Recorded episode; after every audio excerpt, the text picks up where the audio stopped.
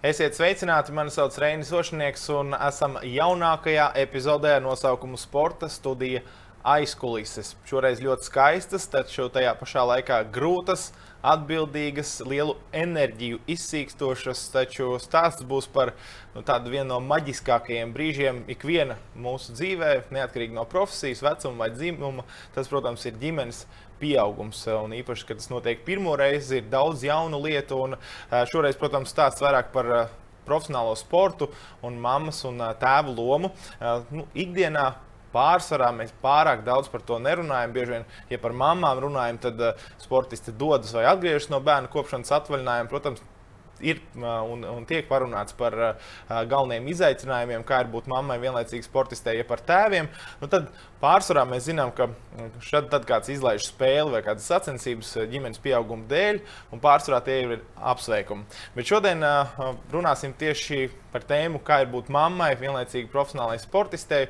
Un, mūsu studijas ciemiņš šodien ir Anastasija Grigorjeva, mamma pirmām kārtām, vai ne, un arī profesionāla sportista un titulētā cīkstona. Es sveicinātu! Sveiki visiem, visam māmiņam un tētiem. Jā, un uh, no Latvijas mums ir pieslēgusies Gunta Vaičula, arī dzēna uh, mamma un vieglatlēti. Čau! Čau, čau visiem! Čau. Jā, nu tad šobrīd, kā, kā jūs abas divas tādam ievadam nedaudz, kā jūs jūtaties šobrīd vairāk kā sportistas vai kā mammas? Gunta, gribi sakt pirmā? Jā, nu es esmu mazliet svaigāka mamma. Mazliet man ir jaunāks bērniņš. Un, un mm, nu es viennozīmīgi esmu vairāk mamma. Jā, es esmu uh, 90% mamma un, un 10% sportiste vai citu, citu pienākumu pildītāju. Anastasija, 50-50 šobrīd? Uh, nav tā droši vien, ka tev ir bērns. Tu jau, tev pirmā vieta ir bērns neatkarīgi no tā, kāda tev ir profesija. Uh, un māmiņas darbs tas tiešām ir simtprocentu uh, darbs. Un uh, vienkārši, kad atnāk uz, atnāc uz treniņu, tad vienkārši pārkvalificējies uz to sportisti. Bet mhm. es pilnīgi piekrītu Guntai, ka es arī esmu vairāk mamma.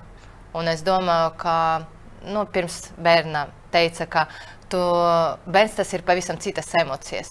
Un tagad es visu laiku domāju, ka tikai sporta ir tas lielas emocijas, bet nē, droši vien bērns tā ir tā lielākā dāvana un lielākais sapnis, brīnums. Sākumā ievadiņā es gribētu, lai jūs abus ieskicējat nedaudz, cik tad bērns ir vecs un kas ir šī brīža lielākais izaicinājums tieši mammas lomā? Uh, manam bērnam ir trīs gadi, gandrīz 6. novembrī būs trīs gadiņi. Uh, Uh, lielākais izaicinājums droši vien tas uh, pārdomas. Par, tu tagad jau visu laiku domā, uh, kā izaudzināt to bērnu par, par labu cilvēku. Par labu cilvēku, nesitot viņu, nekliedzot uz viņu visu laiku. Droši vien tādas, tas tāds pārdomu laiks un optimālo pieeju meklēšana, lai tavs bērns augtu par normālu cilvēku. Nu, trīs gadi tas ir tas vecums, kas sāk pārbaudīt robežas, ja? ko tā mamma ir spējīga un kā, cik ilgi viņai nervi izturēs. Uh, lai pārbauda, lai pārbauda, nervi ir stipri. Kā... Uh -huh. uh, Gunta, tavs ievadiņš? Uh, man liekas, ka bērns robežas pārbauda ātrāk, jo Rūtai ir gads un divi mēneši tūlīt būs, un viņa to jau ļoti aktīvi dara. um, Nav, jā, gads un divi, un, un, un mēs nu pat esam sākuši staigāt un skriet, un, un tas atkal ir kaut kas pilnīgi jauns. Un uh, tas bērns katru dienu dara kaut ko jaunu, iemācās kaut ko jaunu, uzvedās kaut kā mazliet savādāk, un, un visu laiku, visu laiku jāpielāgojas. Kad, tad, kad es kļuvu par mammu, tad tas pirmie trīs mēneši bija nu, tāds pilnīgs tāds inkubācijas periods. Man liekas, tāds, tāds nu, inkubātora sajūta, kad tu esi tādā kaut kādā citā, citā platformā, un pēc tam aiziet tāda no nu, posma perioda, kad visu laiku kaut kas cits mainās, un arī tā ikdiena mainās. Arī tas, kā mēs varam pielāgot treniņu darbu, arī tas visu laiku ir jāmaina un jāpielāgo. Tā, ka, nu, visu laiku tāds pārmaiņu process, tā mammas būšana ir. Vai jums ir sajūta, ka grūtākais jau ir aiz muguras? Jā, kad uh, apritē pirmā mēnesis, man piemēram, pirmais mēnesis bija visgrūtākais. Jo no visām mālām gāja dažādi padomi. Un pat, kad tu ārstiem prasi, ko darīt, tev viens ārsts atnāk, pasaka, ir jādara, tur jābaro ik pēc trīs stundām.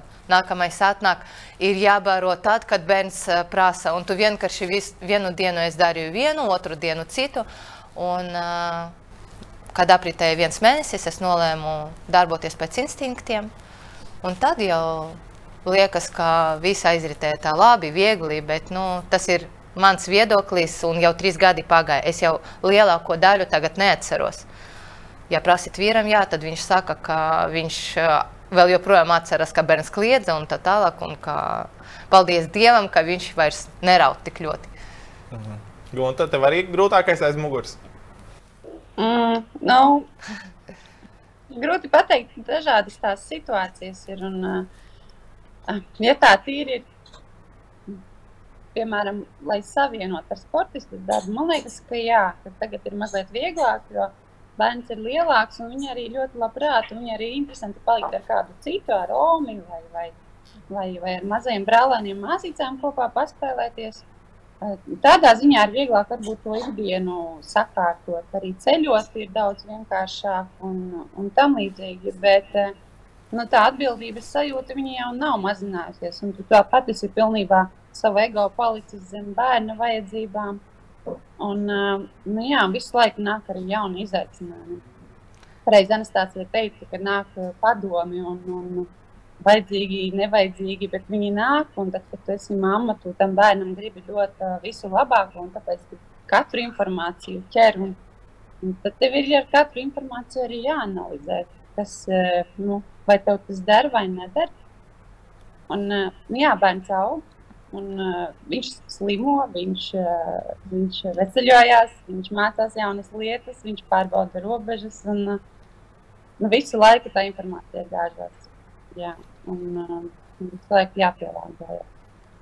Protams, nevaram aizmirst arī tēvus. Un, ja mēs par sportistiem mēs ar pāris tēviem aprunājos, un, protams, kā kurš cits saka, ka laikā, kad bērns uzauga naktas negulētās, tas vairāk bija uz sievu, jo tev ir rīt no rīta jābūt uz treniņu, vai uz blakus istabu vai ausu aizbāžņi. Nu, tēviem, protams, tā loma arī ir, bet nu, tik ļoti cietā sakabē, kā tā ir mamma, kas dzird katru kustību naktī, ja ka pagrozās bērns ne tā, kas tur notiek, vai viss ir kārtībā un tā tālāk, tad tēvs vismaz var gulēt. Nu, tēviem tādā ziņā ziņā, kā sportistiem, ir salīdzinoši vieglāk, jo viņiem vienīgās problēmas, man liekas, tas, ka ir ekstra nogurums. Ko tas prasa mamām, cik, nezinu, tieši no, no, no sportošanas viedokļa, cik ātri tu biji gatava pirmajiem treniņiem? Es atceros, es gaidīju to ārsta atļauju, jo teica, ka pēc sešām nedēļām uh, var atsākt sportošanu. Un tā arī man bija, ka pēc sešām nedēļām es aizskrēju uz pirmo treniņu, jo tiešām uh, tas ir tāds, krieviem ir tāds izteiciens, kā uz treniņu, kā uz svētkiem. Tā arī man bija. Es vienkārši skrēju kaut kas jauns, ne tikai to pamperu mainīšana un uh, atpakaļ pie normālas dzīves. Bet nu, tā kopumā Es atceros tas naktis, kad varēju pagulēt stundu, un man li, liekas, ka, ja es gulēšu vismaz trīs stundas uh, pa nakti, tad es jau perfekti varēšu nostrādāt treniņu. Um, droši vien tas pat uh, es vīram teicu, ka tas, ka es neguļu, tas nekas. Tas man netraucē trenēties. Varbūt tagad, skatoties atpakaļ, jā, es saprotu, ka varbūt mana veselība tagad jau nav tik laba kā agrāk, ka tas tomēr kaut kādu enerģiju un veselību tas bērns tik un tā paņem. Bet uh, tajā brīdī, kad vajadzēja trenēties un apvienot to ar bērnu audzināšanu un pieskatīšanu, Līdzis, ka viss ir kārtībā, es nepiekustu, es izguļos, jo es atceros, ka pat Tad, kad es gulēju agrāk 12 stundas, es tik un tā varēju pamosties un neizgulēties. Tā ka, un vēl uh, ir jāatceras, ka bērni aug ļoti ātri. Un tas ir tik maz brīdis, kamēr viņi neguļ, kad tu viņiem esi vajadzīgs. Un, neskatoties uz visām grūtībām, ir jāmēģina izbaudīt tā bērnība. Un to es arī mēģinu darīt katru dienu, baudīt un skatīties, cik viņš ir foršs, ko viņš jau no iemācījās un tā tālāk. Mhm. Būt māmiņai vispār ir forši. Gunta, tev arī sešas nedēļas tā, ka gaidīja to, to kalendāra datumu un visu uz treniņu. Nu, mājās noteikti uz paklājiņa sākumā kaut kādu vingrinājumu. Mm, nu jā, sākumā bija paklājiņš, bet uh, nē, man nebija sešas nedēļas. Mēs sākām ar to, ka es uh, daudz staigāju ar ratiem. Tas bija mans treniņš, tā es mazliet iekustināju savu ķermeni, jo arī grūtniecības laikā es nebiju ļoti aktīva. Es zinu, ka Anastasija trenējās diezgan ilgi, bet uh, man bija tāds diezgan saudzīgs režīms, un, un man vienkārši bija daudz kas atrofējies. tāpēc man vajadzēja ļoti lēnu pakāpeniski sākt. Bet uh, skriet un kaut kādus lecienus taisīt, uh, es sāku, mm, tad, kad grūtai bija mazliet virs trīs mēnešiem. Un tad jau jā, arī paklājiņš, un, un, un, protams, vajadzēja laikam vairāk fizioterapeitu pieslēgt, bet tad bija pandēmijas laiks diezgan aktīvs, un mazais bija maziņš, un tad nekur aizbraukt nevarēja. Tad, nu jā, sāku pati mājās.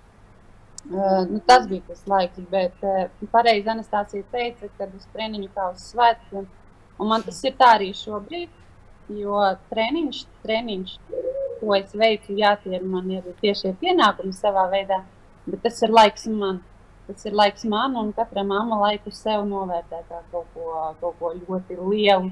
Jo, nu, pat ja tās, tā, tā ir eh, stunda, pusotra diennaktī, kuru tu velti beidzot tikai sev, nu, tad tie ir svētki. Nu, jā, un treniņš ir tas, kas man ir vienmēr arī gan uzlādē, gan man ir arī tā gandarījuma sajūta, ka ir padarīts labs darbiņš un, un tam līdzīgi. Un, uh, un pašā sākumā tā bija liela, liela motivācija atgriezties, sakam, uh, vecajos apģērbos.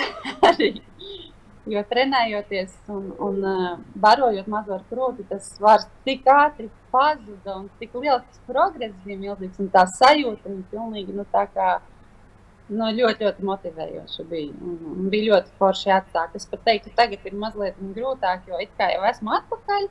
Un, un, un, un, bet mazais tāpat paņem diezgan daudz mana laika un, un, un, un varēšanas. Tāpēc, nu, jā, tagad varbūt pat ir mazliet grūtāk tādā motivācijas ziņā nekā bija pašā sākumā.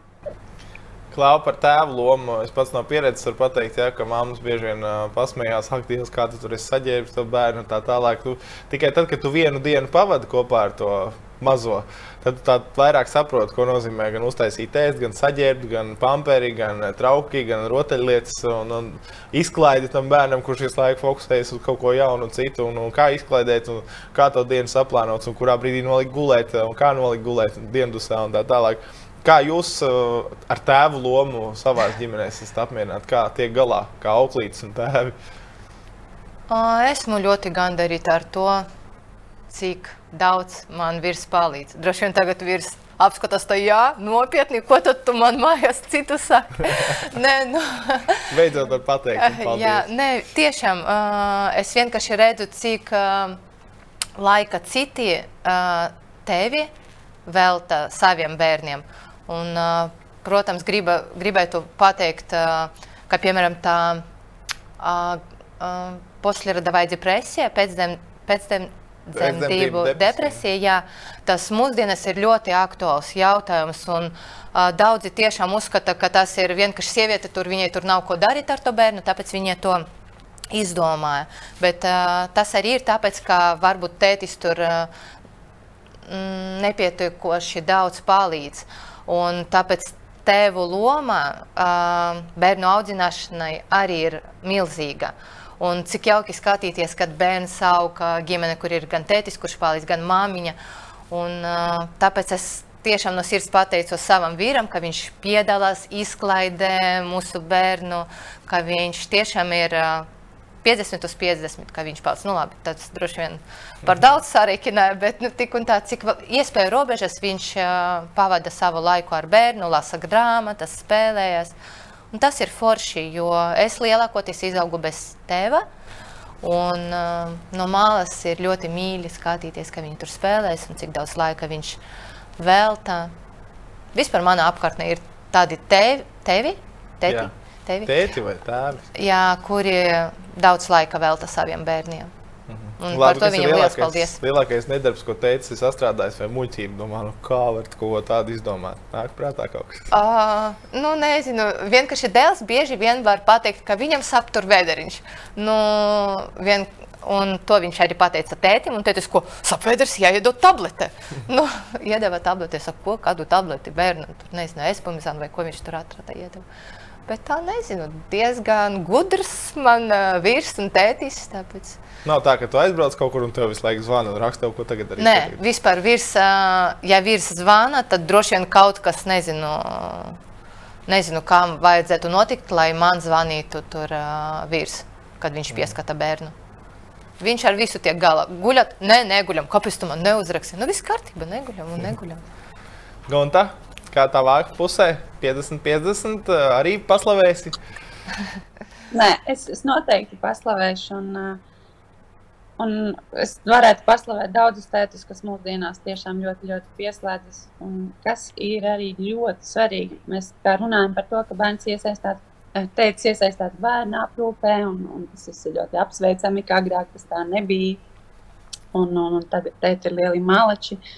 Bet uh, tēti ir uh, ļoti lielas, lielas, man liekas, psiholoģiskas un emocionālas nastas nesēji.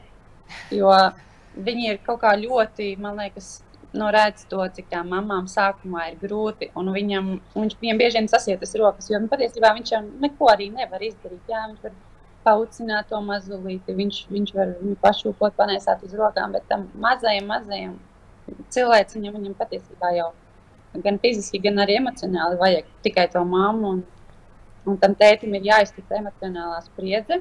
Un tad viss, ko viņš var darīt, ir rūpēties par to māmu, bet uh, mamma ir jau ļoti tāda arī viegli, viegli aizskaitināma, viegli sanervozējam un, un nu, grūti iet. Un es, un es abrīnoju, ka, tās, nu, ka to spriedzi var panest. Un, un, un nes mūsu vīrieši to spriedzi. Viņiem par, par to liels paldies un, un prieks par viņiem. Bet tad, kad tie mazie paaugās, jā, es dažreiz brīnos, jo liekas, tā dienas griezumā. Um, Mana meita tik daudz to laiku nepavada ar tēti. Nu, divi tādi. Nu, tās varbūt ir pāris stundas dienā. Bet tā viņu saikne ir milzīga. Un tam man liekas, nu jā, es ar viņu esmu 20 stundas diennaktī kopā. Bet, bet salīdzinājumā ar to, cik tas tētis ir ar viņu kopā, nu, tad, nu, kā tā var būt, ka viņai to tēti citreiz šobrīd vajag vairāk nekā mamma, un viņa skrien un viņus sagaida, un viņa grib ar viņu iet kopā, un viņa grib iet vizināties ar traktoru, un, un vienkārši, nu jā, viņiem ir sava, sava pasaulīte, un, un, un tas ir ļoti skaisti un brīnišķīgi. Tēta lielākais nedarbs varbūt ir iemūžināts fotografijā vai video. Vienai nu, vien tā ļauj braukt. nu, jā, traktors, dažādi, dažādi transporta līdzekļi. Uzlika vienais bērnu govī uz muguras, un bērns dabūja rasti, protams, pa seju. tas likās tā, to, kāpēc tas bija jādara. Bet, nu, tas notika, un droši vien notiks vēl. Man ar to jāsamierinās. Klāna, mēs visi esam nākuši pasaulē Cits plānots, cits neplānots. Bet, uh, nu, principā, ja mēs runājam par sportu, tad tomēr vairāk vai mazāk tā ir plānota lieta. Protams, protams, tu nevari. Nu, tie sportisti, kuriem uh, jāgatavojas Olimpiskajām spēlēm, viņi nevar tur, uh, piemēram, Olimpisko spēļu cikla tajā vidū palikt stāvoklī. Nē, protams, ir dažādi varianti, kā cil, tas sportists saplāno, ka viņi var ātrāk vai vēlāk atgriezties. Bet, uh, lielākoties, es domāju, gan Guntai, gan man tā arī sanāca, ka mēs plānojam bērniņu tādā laika posmā, lai varētu paspēt atgriezties lielajā sportā. Bet uh, bērns ir pirmā vieta. Es zinu, arī mums, piemēram, cīņas sporta meitenes, kuras palika stāvoklī uh, pirms Olimpiskajām spēlēm, un, piemēram, treneri teica, nē, viss mums tagad Olimpiskais spēles un taisīja abortu. Un, uh, protams, kā sievietes vienmēr izvēlas bērnu. Mm. Tāpēc. Tā ir liela, liela dieva dāvana un brīnums. Mhm. Gunta, tavs komentārs par plānotiem, neplānotiem sportā? Mm. Nu, jā, nu, protams, kad ir. Nu, vispār tā mūsdienu dzīves sports, arī tāpat kā jebkura cita joma un profesija, nu, tomēr prasa tādu pielāgošanos. Un mums jau mūsdienu cilvēkiem ļoti patīk visu kontrolēt un, un visu salikt nu, pēc sava plāna. Um, es nevaru teikt, ka uh, mēs, mēs ļoti, ļoti plānojam mērķiecīgi kaut ko skaitļojam, lai rūta piedzimtu tad, kad viņa piedzima. Patiesībā toreiz vēl pandēmija mm, jā, tikai tikko sākās Ķīnā, kad man pieteicās bērniņš, mēs vēl nezinājām, ka olimpiāda tiks atcelta un tam līdzīgi. Tad, kad es uzzināju to, ka es nebraukšu, nu, ka es nevarēšu braukt, jo man tajā laikā, 20. gadā, būtu vasarā jādzemdē, nu, vispār nebija nekādas ne runas, ne, ne, ne, ne šaubas, nekas. Es biju ārkārtīgi laimīga un priecīga. Un, nu, nu, jā, līdzīgi kā Anastasija beigās teica, ka bērns tomēr ir svarīgākais. Un, un es arī pati uz sevi un uz savu ķermeni skatos arī nu, jā, ne tikai kā uz uh, atlēta organismu, atlēta ķermeni. Uh, skatos uz sevi kā uz uh, nu, tādu kaut kā lielāka sastāvdaļa, kā dabas sastāvdaļa. Un, un, nu, kad mēs, nu, ja man ir ģimene un mēs harmoniski dzīvojam un nu, fiziski esam nobrieduši arī tam, lai mums būtu bērniņš. Nu, tad bērniņš arī atnāca tad, kad viņam bija jāatnāk. Man grūti varbūt spriest par visiem sportistiem. Nu, individuāli jau ir savādāk. Nu, tu esi nu, tikai pats uz, pats uz sevi. Un, un, un es, es zinu, ka daudzas sievietes cieš no tā, ka viņas vienkārši jūtās nu, nu, parādā to savu sportisko sniegumu pirms klubam vai, vai, nu, vai, vai, vai izlasēji. Mūsu gadu man, man tā īsti nav un nebija. Un, un, un tas vienkārši tā notika un, un ļoti forši, ka notika. Mm -hmm. uh, tagad uh, grūtniecības tests, divas iedaļas. Uh, īpaši gatavojāt kaut kādus pārsteigumus vīriem? Kā paziņot? Es jau neatceros. Kaut kā paziņoju, bet uh, neatceros. Kaut kas bija tur ar karbiņu. Es vienīgais atceros, ka treneris uzzināja agrāk nekā vīrs, jo tajā laikā es biju treniņu nometnē, un es saku, pateicu trenerim, ka, klau, es, es gaidu bērniņu, bet tu pagaidām nevienam nesaki, jo atbraukšu mājās, tad jau pateikšu vīram. Lūk, tā. Mm -hmm. Gunta? Vīrs uzzināja pirmais, un patiesībā es viņam pateicu, nu, es teiksim tā, es pat līdz galam noticēju, tad, kad es uh, biju pie, pie doktora uz pirmo sonogrāfiju. Nu bet tas bija arī ļoti ātri pēc tam, kā, kā es izteicīju testu. Um, Taisnība Ziemassvētkiem. Mēs bijām uh, pie maniem vecākiem aizbraukuši. Un toreiz vēl notika pasākumi, bija, bija kultūras namā, bija koncertiņš un tā. Un, un man visu laiku tāds nu, nemieris, nemieris, jo nu, skaidrs, tas ciklus jau ir aizgājis kaut kur galīgi ne tā, kā vajag. Un, un, nu, jā, es, es pateicu uzreiz, tā, kad es pati ieraudzīju, un uzreiz arī pateicu, bet tas bija koncerta laikā, čukstu saustiņā bija tāds, ko nopietni. Klau, nu, tā kaut kā. Bet, ja mēs, bez īpašiem pārsteigumiem. Ja mēs izslēdzam profesionālo sportisti, tad uh, vienkārši sieviete uzzinot par to, ka ir ģimenes pieaugums gaidāms, protams, uh, tās, nezinu, internetā raksti, kas, kādi plāni un tā tālāk. Ginekoloģi, ar ko uzreiz ir saziņa, un tā tālāk. Tu uzreiz tu saliec to plānu. Uh, profesionāli sportisti, atkal jūsu gadījumā, ko jūs darījāt uzreiz? Uh, Olimpiskās vienības doktori, sportistis, kas jau ir mammas, uzreiz ir zvans, sarunas par to, kas, ko, kā plānot, cik ilgi es varēšu trenēties, cik ilgi, kas ir tās lietas, kāda bija jūsu sagatavošana. Es vienīgais atceros to, ka droši vien sākumā tas bija kad es paliku stāvoklī, pagāja laiks, nu, tur desmit dienas, un es uztaisīju to HCG analīzi, kurā asinīs jau parāda, ir vai nav. Toreiz es ne caur testu, bet uzzināju šito, jo man nākamajā dienā atnāca dopinga pārbaudē. Es vispār neplānoju Olimpiskajai vienībai kādu laiciņu teikt, jo gribēju tiešām zināt, kā būs bērniņš un ka viss kārtība, bet atnāca dopinga pārbauda un es sapratu, ka tās analīzes parādīs, ka man ir grūtniecība, tāpēc es uzreiz zvanīju līgai, ka varētu būt, ka esmu stāvoklī un tā tālāk. Ar tiem doktoriem ir saprotams, bet jā, es ļoti daudziem sportistiem, kuras ir māmiņas, prasu, cik ilgi viņas trenējas, cik līdz kurām brīdim viņas vēl uz paklē trenējas. Bet tā uh, droši vien daudzi uzskatīja mani par traku māmiņu, ka es tur līdz uh, pēdējiem trenējos, jo pēdējo treniņu es uztaisīju pirmdienu un otrdien aizbraucu uz uh, dzemdībām. Lūk, tā, bet uh, pakonsultējoties gan ar savu ginekologu, kuru pateica, ja tu visu laiku sporto, tad tev arī nav jēgas uh, uh, mest prom to sportu grūtniecības laika. Vienkārši, jā, protams, es samazināju slodzes, bet skatoties no malas, ka es tur tur bija 20 kg, piemēram, tas pats stienis. Jā. Uh, visi domā, nu vienkārši trāka, ko tu tur cēl, uh, tas smagums. Bet, ja tu ikdienā ceļ 120 un pēc tam paņem tur 20 kg stieni, nu tas, tas nekas. Izskatās viegli. Ja? jā, vienkārši viegli. Jā. Bet tad droši vien uh, nevajag sākt sportot tikai tad, kad tu paliki grūti stāvoklī. Jā, un domāt, ka tūlīt es uh, sportošu un zaudēšu tur svaru vai vēl kaut ko. Jā, Gunte, tu domā, ka Anastasija ir traka? uh, es, es atceros, es skatījos viņas video un, un bildītas, bet mani vairāk sašokēja tie komentāri apakšā. Man liekas, nu, kādā sakarā vispār cik kaut ko komentē vai kaut ko tādu. Tas bija, tas bija galīgi nevietā, bet uh, es, skatījos ar abrīnu uz Anastasiju uh, to laiku. Bet kā man bija tajā sākumā, Es uzreiz uh, uzvanīju uh, Olimpiskās vienības doktorei, jo man arī izrakstīja medikamentus. Man bija jānoskaidro, vai es varu viņus lietot.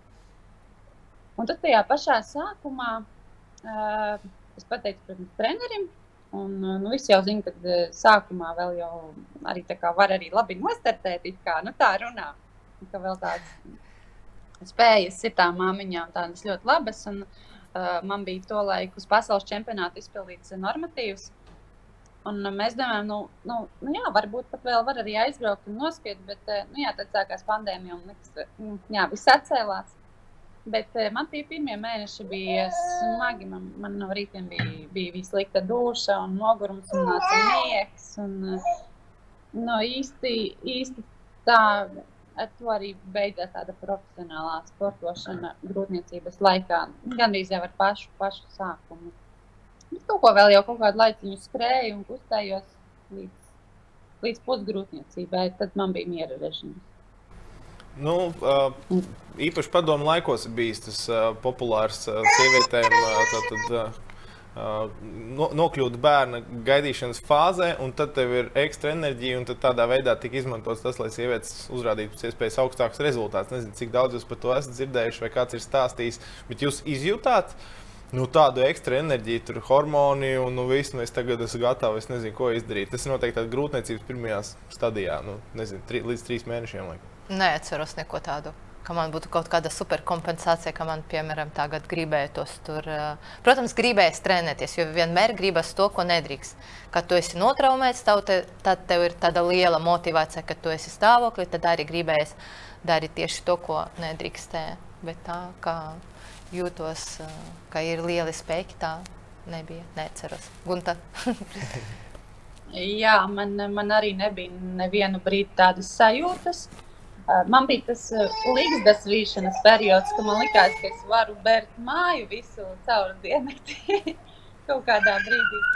Bet, bet tā, kad sevišķi treniņos es varētu kaut ko mm, tā izdarīt vairāk, lai man būtu sajūta, ka es tagad varu baigi labi nostartēt, Nē, tā nebija. Es baigi klausījos savās sajūtās. Un, nu, man ķermenis bieži signalizēja, ka man ir jāpiebremzē, un es tajā ļoti ieklausījos.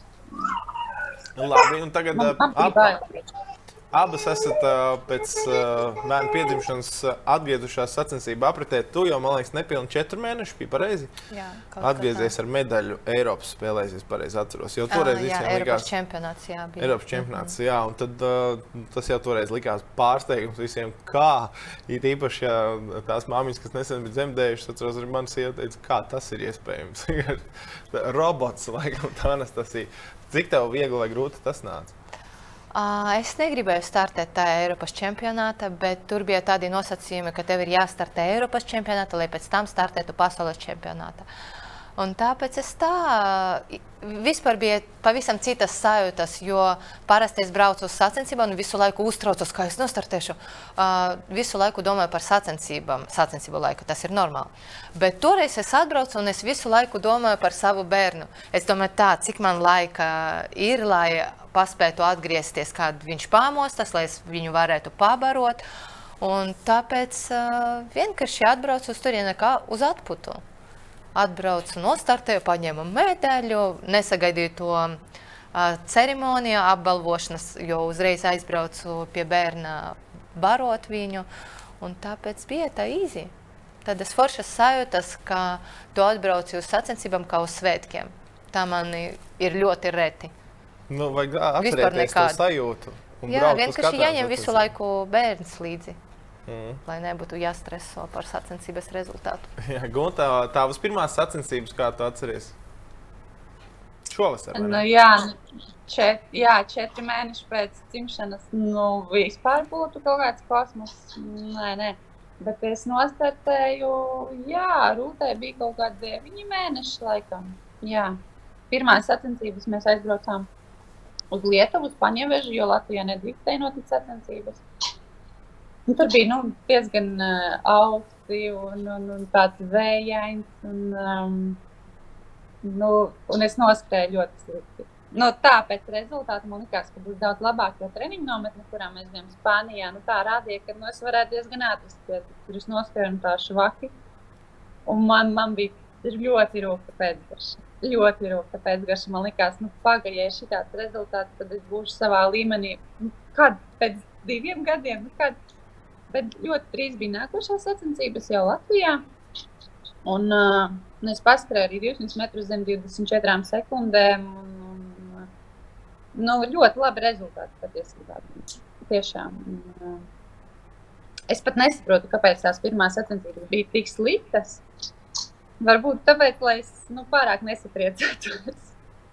Vai arī es pareizi teicu, pareizi Anastāsija teica to, ka nu, tās domas visu laiku ir pie bērniem jā, man arī, arī Latvijas čempionātā, kad es nu, labi nostartēju Latvijā, man nebija tas uztraukums. Nu, jo, jo nu, jā, tu laikam īsti līdz galam vēl nevar ieslēgt to. to Nu, ir svarīgākas lietas dzīvē, vai ne? Mājās. nu, jā, visu laiku mentāli esi kaut kur citur.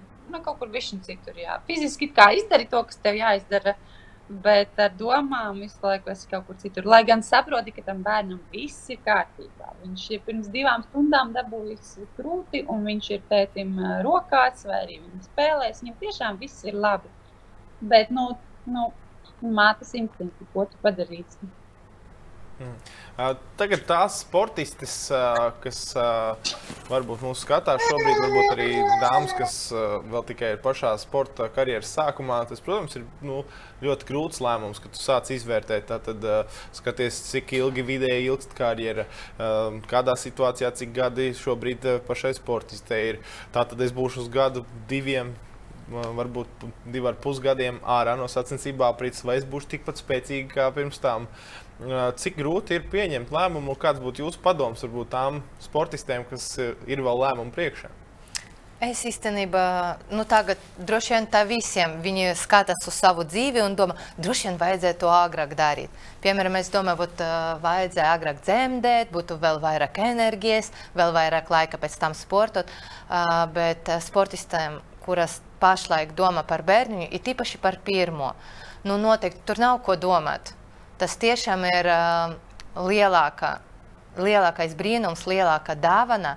Un, ja sportistei bija rezultāti pirms dzemdībām, tad arī pēc tam var, nu, tie rezultāti var tikai uzlaboties. Un bērns nekas, nekad nebūs par šķēršļi turpināt to profesionālo sportistes karjeru.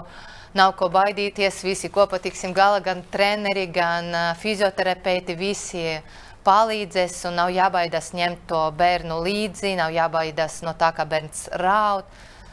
Es domāju, ka visu var pārvarēt kopā ar bērnu un uh, izbaudīt gan māmiņas lomu, gan to sportošanu. Tas ir tik forši sportot, turpināt to profesionālu sportistes karjeru, un tev blakus aug bērns, kurš skatās piemēru, kā tu sasniedz savus mērķus. Nu, tas ir ideāli vispār forši, to, ka ir iespēja to visu apvienot. Daudz liekas, nebūs laika tik daudz trenēties kā agrāk. Būs. Īstenībā ar vecumu, ka man visu laiku, ko man uh, mēģina pierādīt treneris, ka nav jātrenēs tik daudz kā jaunībā. Tagad uh, galvenais ir kvalitāte.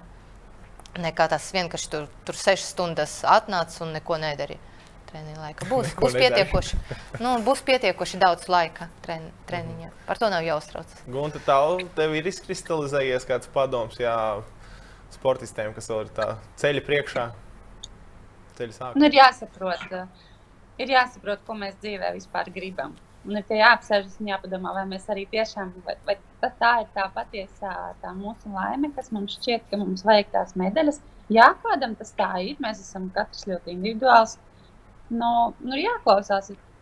Mums ir tās mīlestības pilnās attiecības, cieņpilnās. Mēs, man liekas, tas nu, bērniņš jau izriet no attiecībām, viņš izriet no diviem cilvēkiem. Un tajā brīdī, kad nu, ka ir tā sajūta, ka, jā, ka mēs varam, tad tas tajā jāmetās iekšā ir un, un, un tiešām nu, viss sakārtosies. Un bērns nav nav šķērslis. Un, un man pat ļoti negribētos viņu ielikt tādā, nu, tādā kaut kādā uh, izdarāmo lietu, sara, izdarāmo lietu sarakstā, ja tu to vai ne, kurš nu, bērns tādu un tādu, un vajag tik un tik tos bērnus.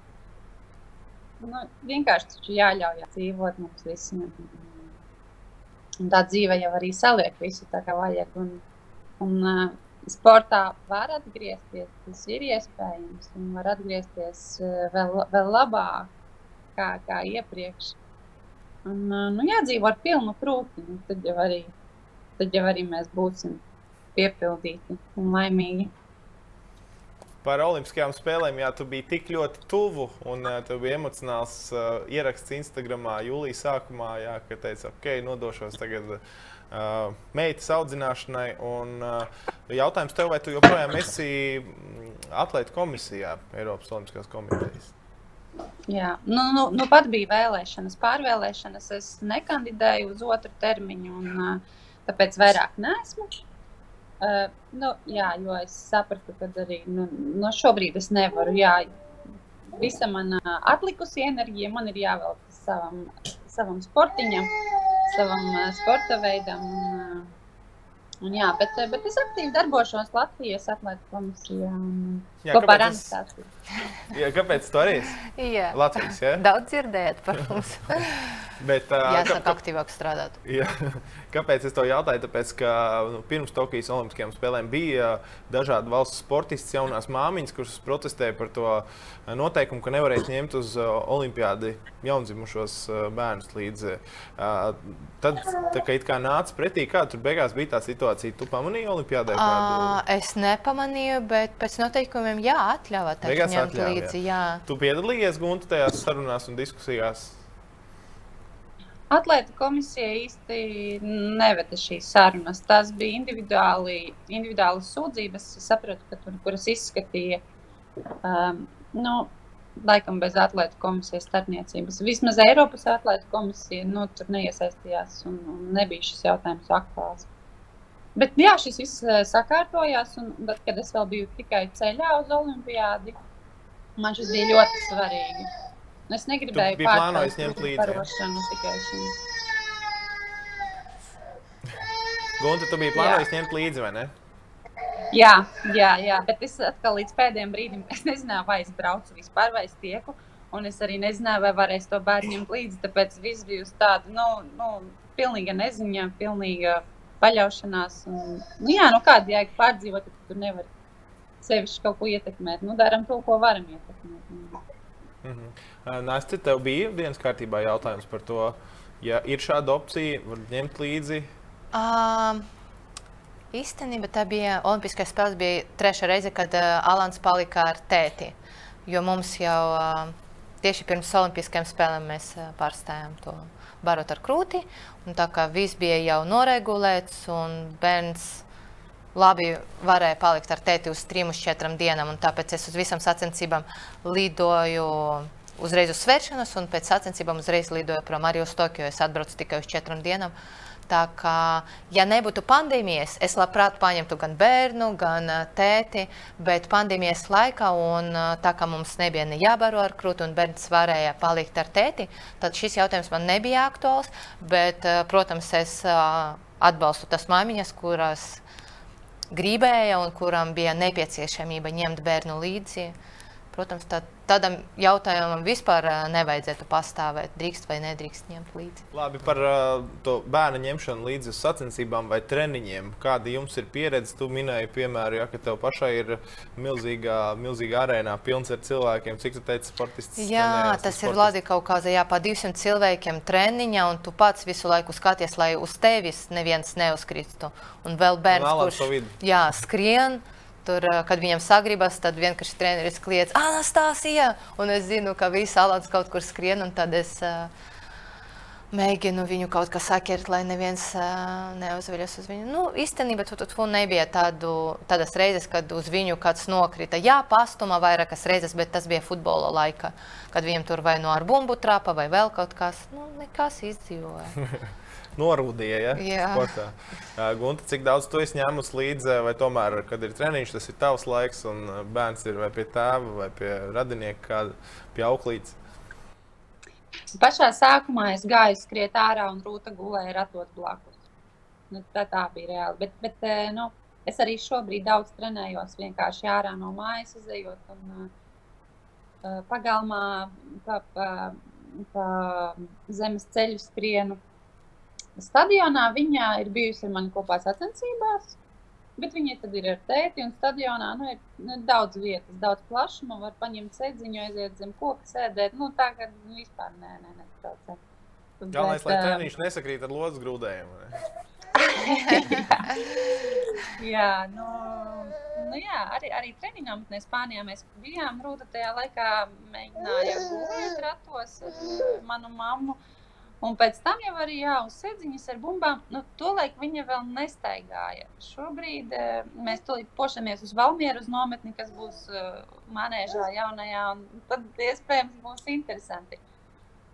Bet uh, man liekas, tā bērnam arī ļoti forša pieredze, kad viņi ir tādā sportiskā vidē un, un var kaut kur izskrieties, paskriet, visu kaut ko paskatīties. Un, uh, Un, un citi jau arī vēl kaut ko paspēlējis, paļaujās ar to mazo. Nu, mums tas viss vēl arī priekšā. Sportisko vidi tu pieminēji, un principā jūsu atlases, protams, to piedzīvo un redz kā mammas eh, sporto. Uzaugot tā liksies pilnīgi normāla lieta, tāpat kā elpot, ēst, Jā. Eh, jebkura cita lieta, ko bērns redz. Un, eh, kā jūs skatāties uz to? Vai gribat novēlēt saviem bērniem arī profesionālu sportistu ceļu? Tas ir ļoti interesants darbs īstenībā, būt par profesionālu sportistu, bet arī smags darbs.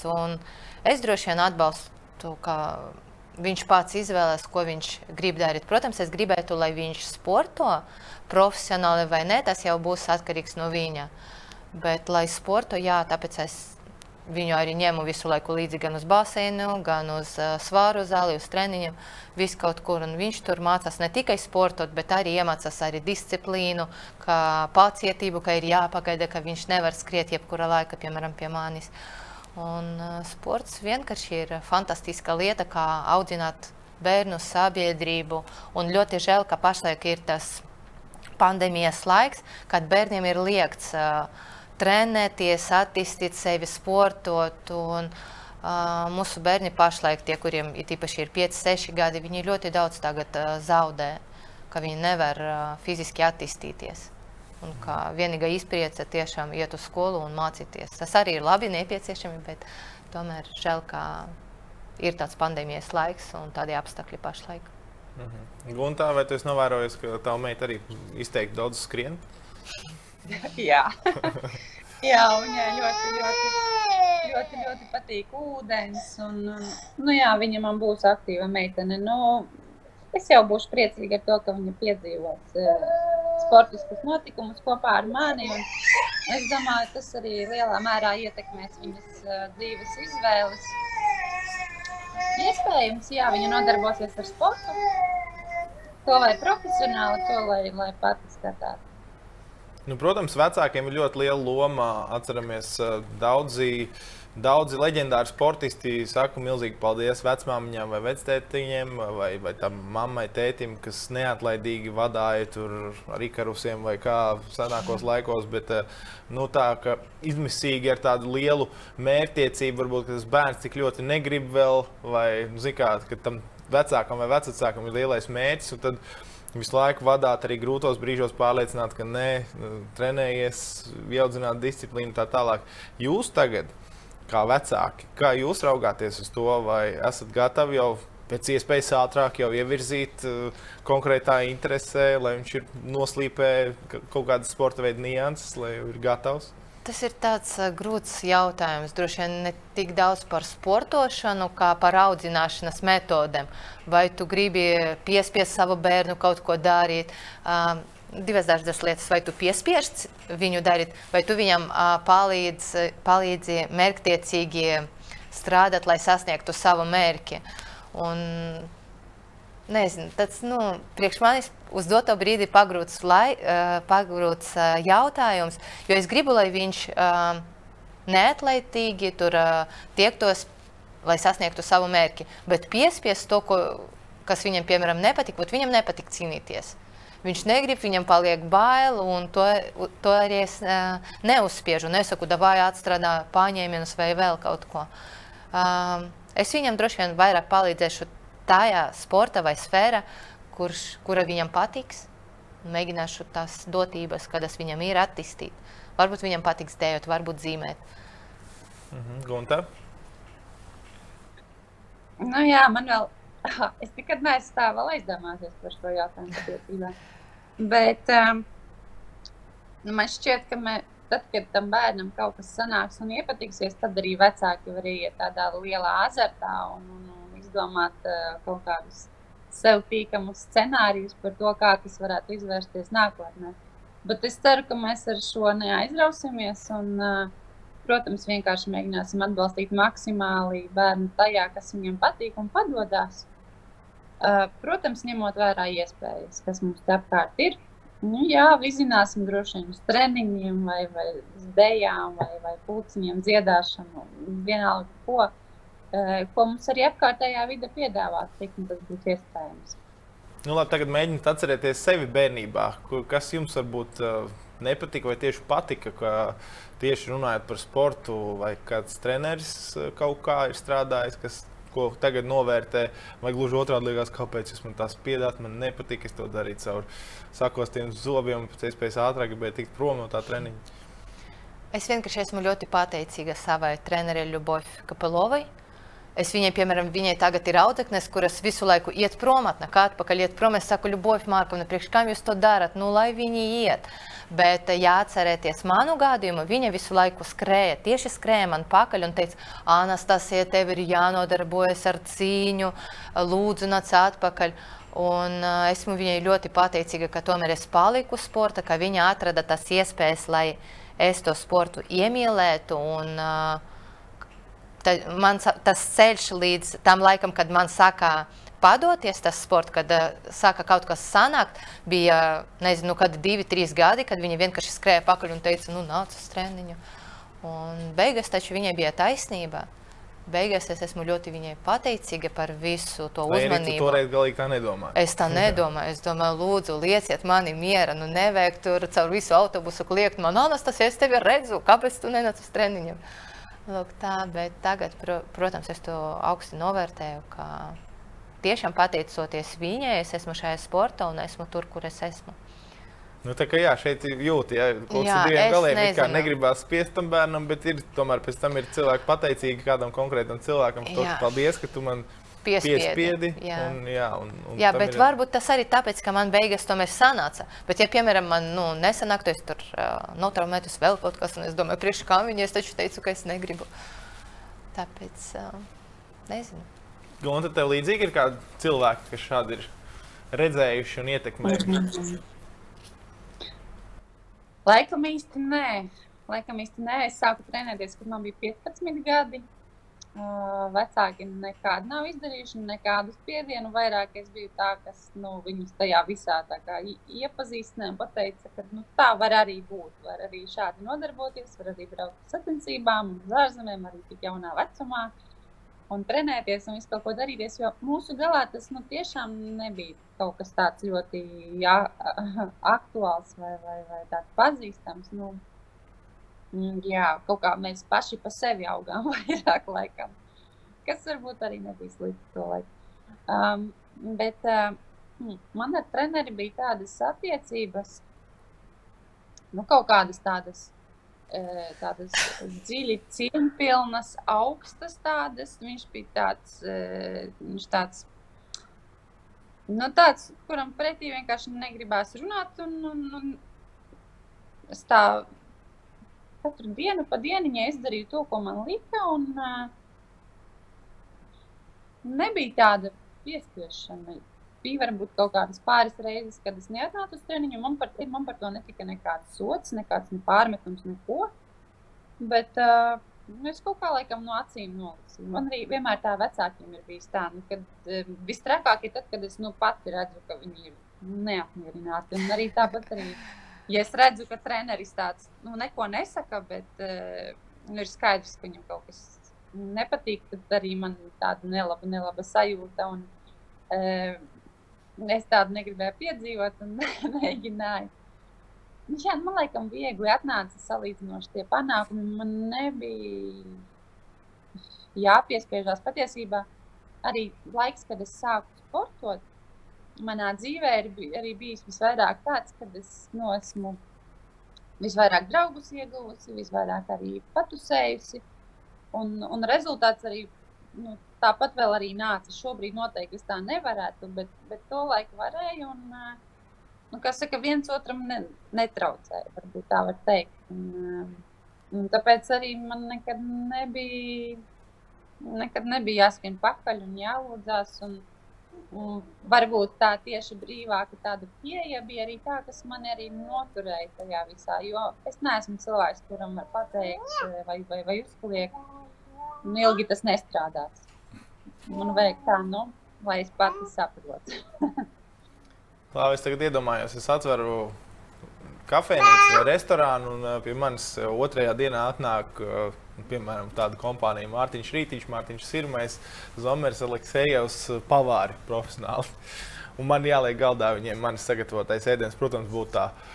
Okay, tā, tā, tā, tā. Nu, kā nu būs, kā nu vērtēs manu, manu ēdienu, ko es pasniedzu. Ja mēs domājam par sportu, un, un kāds jaunais treneris klausās, tagad nāk Anastasija Gorjeva, rekomendāts dēls vai Gunta Vaičo, rekomendāta meita. Mēs gribam pie tevis trenēties. Uh, Es pieļauju, ka viņiem varētu būt līdzīgs sajūta. Tā dāmas visu mūžu ir bijušas sportā, lielāko daļu, ja, un tad uh, ir, ir bijušas pie dažādiem treneriem un zina, ko nozīmē disciplīna un, un darbs ar treneriem, cik būtisks ir tās attiecības un tā tālāk. Kas jums ir svarīgs? Ko, nu, tagad, protams, vēl nedaudz pārāk ir runāt par tādu nopietnu darbu ar treneri, bet nu, es pieļauju, ka jūs esat uh, jau izkristalizējuši to to sajūtu, kā ir, ka tu ej uz treniņu, tu, ka tu atdod trenerim labās rokās, tu zini, ka tur būs disciplīna, tur būs viss kārtībā, tas būs kā uh, ekstra tēvs uh, vai ekstra mamma, kā, par ko bieži vien treneris, treneris salīdzina. Kas ir jums būtiskākais, atdodot bērnu treneru rokās? Kādas īpašības? Kādam jā, īpašībām? Nu, kaut vai nu, jā, gan, gan treneru īpašības, gan arī tas, pie kā tiek piedomāts treniņiem. Uh, pašlaik, kad viņš ir uh, tik maziņš un uh, jauns, tad uh, droši vien uh, vajag sākumā bērnu ieinteresēt. Galvenais, lai būtu atbilstoša vide, lai vienādā vecumā, apmēram vienādā vecumā bērni būtu, lai, uh, uh, lai treneris mācētu nevis piespiest, bet tā ieinteresēt, lai uh, bērnam pašam gribētos uh, nākt uz treniņu, lai gribētos uh, darīt visu, ko treneris treneris saka, lai būtu tā pati disciplīna un lai treneris tiešām varētu katram bērnam veltīt tādu uzmanību, ka bērns justos kā otrai ģimene, ka viņš justos tur kā mājās, vajadzīgs, ka viņu mīl, ciena. Tas droši vien bija tas galvenais, kas mani piesaistīja, ka es kļuvu kā daļa no šīs sportiskas ģimenes. Mhm. Gunta? Uh, man pašai arī sportā, uh, treneru un audzēkņu attiecībās uh, svarīgākais ir bijis tāda savstarpēja tāda cieņa. Un kad trenerim ir mani dzird. Jā, jā viss kārtībā, mani dzird. nu, jā, man ar, man ar saviem treneriem arī bijušas tādas ļoti personiskas un, un uh, cieņpilnas attiecības. Un tas ir svarīgākais. Un patiesībā, uh, jā, treneri man ir arī tādi dzīves piemēri, dzīves skolotāji. Arī. Un, un, uh, lai es aizvestu savu bērnu pie trenera, man gribētos, jā, lai viņš ir nu, tāds cilvēks, kuram gribas līdzināties. Jā, lai, lai, uh, nu, man ir gadījies uh, noskatīties kaut kādus treniņus no malas. Uh, es ļoti neatbalstu to, ka uh, nu, tiek kaut kāds psiholoģisks spiediens izdarīts arī tādos uh, soda veidos, vai bērns tiek uh, aizvainots. Nu, kā savā, dažreiz ar to var panākt kaut ko, uh, ka viņš saņemās vai sapurinās tajās pašās sacensībās, kā jāpasaka skarbāks vārds. Bet, bet treniņos, nu, nu nē, es, es, man, man ļoti nepatīk tas, ka es eju gar futbola laukumu es dzirdu visus iespējamos lamu vārdus no trenera un tie bērni, jaunieši, un tu visu dzirdi, man liekas, ak, Dievs, nē, šitā noteikti nē, es pie tāda trenera nekad neaizvestu. Nu, ir jābūt tādam, nu, pedagoģiska rakstura apiešanai ar to, ar to bērnu, nu, kad, kad viņam tiek iemācīta arī cieņpilna komunikācija, un, un ka viņš ir personība, nevis kaut kas, kuru var izrīkot un, un, un, un izpildīt tavas pavēles un iegribas. Bet, nu, tā, lai, jā, lai viņš interesējas izdarīt labāk, lai viņš ir interesēts izpildīt uzdevumu precīzāk, un lai, lai viņam pašam ir gandarījums no tā, ko viņš ir izdarījis.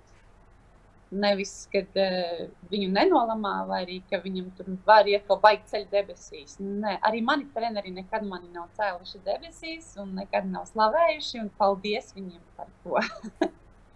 Amerikāņi gan teikt pretējo. ja? Es tieši gribēju pateikt, jā, ka jā. man ļoti patīk tā amerikāņu sistēma, un ka tev vienmēr saka, ka tu vari visu, un ka tev viss sanāks. Un tas nu, tiešām tā ticība tavos spēkos dod tādu pacēlumu. Bet, Bet tam jābūt pamatotam. Tam jābūt pamatotam. Arī fakts. Jā. Bet tu, tu man liekas, es nezinu, varbūt tas ir stereotips, bet cīņas sportā gan tur varētu būt arī līdzīgi kā tai futbola laukumā dažos brīžos. Uh, Ir dažādi treneri. Pašlaik man ir, manam trenerim Armandam ir tāds amerikāņu stils vairāk. Kā viņš visu laiku Anastasija, tu, ko, tu kaut ko nevari, tiešām tu vari visu. Un viņš tik ļoti tic manos spēkos, ka gribas uh, kādu dienu viņa tas cerības, lai viņas iztenojas dzīvē arī. Mm. Pagaidām abas esat tajā vecumā, ja bērni ir tajā vecumā, ka tomēr aplutinātā, apčamdīt, papriecāties, bet nu, gan jau tāpat arī dus, dusmas arī ir redzēts jūsu sejās, īpaši, ka mazais vai mazā dara kaut kādas blēņas. Kā jūs pašas raugāties? Jūs būsiet tādas stingrās mammas? Es saku, tas, ko es domāju pirms dzemdībām, par kādu māmu es būšu, kā es bērnu audzināšu un kāda es esmu tagad, tas ir divas tik pretējas lietas, ka es uh, domāju, ka es būšu tik stingra, raudas, es nepienākšu gulēs no pirmās dienas savā gultiņā. Nu, nē, nu, vienkārši viņš guļ ar mums. Uh, ja viņš raud, tad es uh, uzreiz skrienu viņu mierināt. Un, mm, gribas ticēt, ka mana audzināšanas metode dos labus augļus, kad viņš būs pusaudzis un ka viss būs labi. Bet es jūtu, ka manam bērnam tas ir vajadzīgs. Es jūtu, ka uh, šī pieeja man liekas komfortā. Bet, protams, man arī ir tādas reizes, kad es vienkārši palieku, nu, kā teici, ka dusmīga un pēc tam raudu, kāpēc es tur uz bērnu uzbļāvu vai uh, sadusmojos vai vēl kaut kas. Visam, visiem var gadīties, bet es, bērnam ir jāatceras tas, ka jebkura laika vecāki viņu tik un tā mīl un grib to labāko. Tāpēc es strādāju ar saviem minusiem, lai pie bērna vienmēr ir mamma, kur ir, ir resursa un kur ir labs noskaņojums un kura var dot to pozitīvo enerģiju bērnam. Hmm. Gonta, es domāju, ka tu pievienojies. Naktis, Jā, es nevarēšu, es, es nevarēšu būt tāda stingrā māma, bet, bet jā, tad, kad es kļuvu par, par mammu, tad, tad, jā, tad arī sāku daudz arī mācīties un, un lasīt un interesēties. Un brīžos, kad es salūstu, es saprotu, ka tās ir manas problēmas. Ne jau tas, ka tas mazais kaut ko ir ne tā izdarījis, vai arī, vai arī nu, ja mēs aizējām tik tālu, tad es tiešām sadusmojos pati. Un pareizi Anastāsija teica, ka pēc tam arī raudu un nesaprotu, kas, kas tas tikko bija un, un tam līdzīgi. E, tad, e, tad man jāapsēžās un jāpadomā, pagad, kurā brīdī es pazaudēju to saikni ar bērnu. Nu, es, es, tā biju es, kas viņu nenolasīja patiesībā. Nevis uh, viņš gribēja mani sadusmot. Un, uh, daudz jāstrādā ar sevi, daudz jāstrādā ar kaut kādiem saviem, ar savu pieredzi, varbūt zemapziņā, kas sēž un, un, un nu, jā, jāstrādā ar sevi. Un, un Tieši tad tā. jau arī mazais, mazais labi jutīs. Es vienkārši uh, uzskatu, ka, lai bērns tevi klausītu, to visu var uh, panākt, uh, nekliedzot uz viņu, nesitot. Tāpēc mēs to arī, es to arī mēģinu. Nekliegt, nesist viņu. Iespēju robežas. Lūk, Nu, jā, turpinam mācīties gan mammas, gan tēti. Paldies, ka skatījāties. Es ceru, ka daudzām jaunām sportistēm ā, devāt ļoti daudz ā, labas padomus, arī sportistiem, topošiem tēviem, ā, kā, cik ļoti nopietna arī tēva loma ir ģimenēs, kur ir jaun, jaundzimušie. Un, protams, sporta karjera turpinās, un tā ir labā ziņa. Spēki būs, spēki būs mācīties un tā tālāk. Tā kā, var mainīties profesijas, var mainīties amati, var mainīties karjeras, bet mammas un tēva loma paliek. Tā, kā tā ir jāturpina attīstīt ikdienā. Paldies, dāmas, ka atradāt laiku šodien ar mani aprunāties. Paldies, Paldies arī meitai, kas tik uh, citīgi izturēja. un pārāk daudz netraucēja. Un tagad mēs iesim pie Alana, kas ir Jā. Latvijas televīzijas rotaļistabā. Spēlējuši šobrīd. Paldies visiem! Čau, jā, Gunti, sporta čau. studija aizkulisēs vērojams arī YouTube kanālā un, protams, arī klausāmas Spotify un Apple platformās. Lai veiksmīga diena!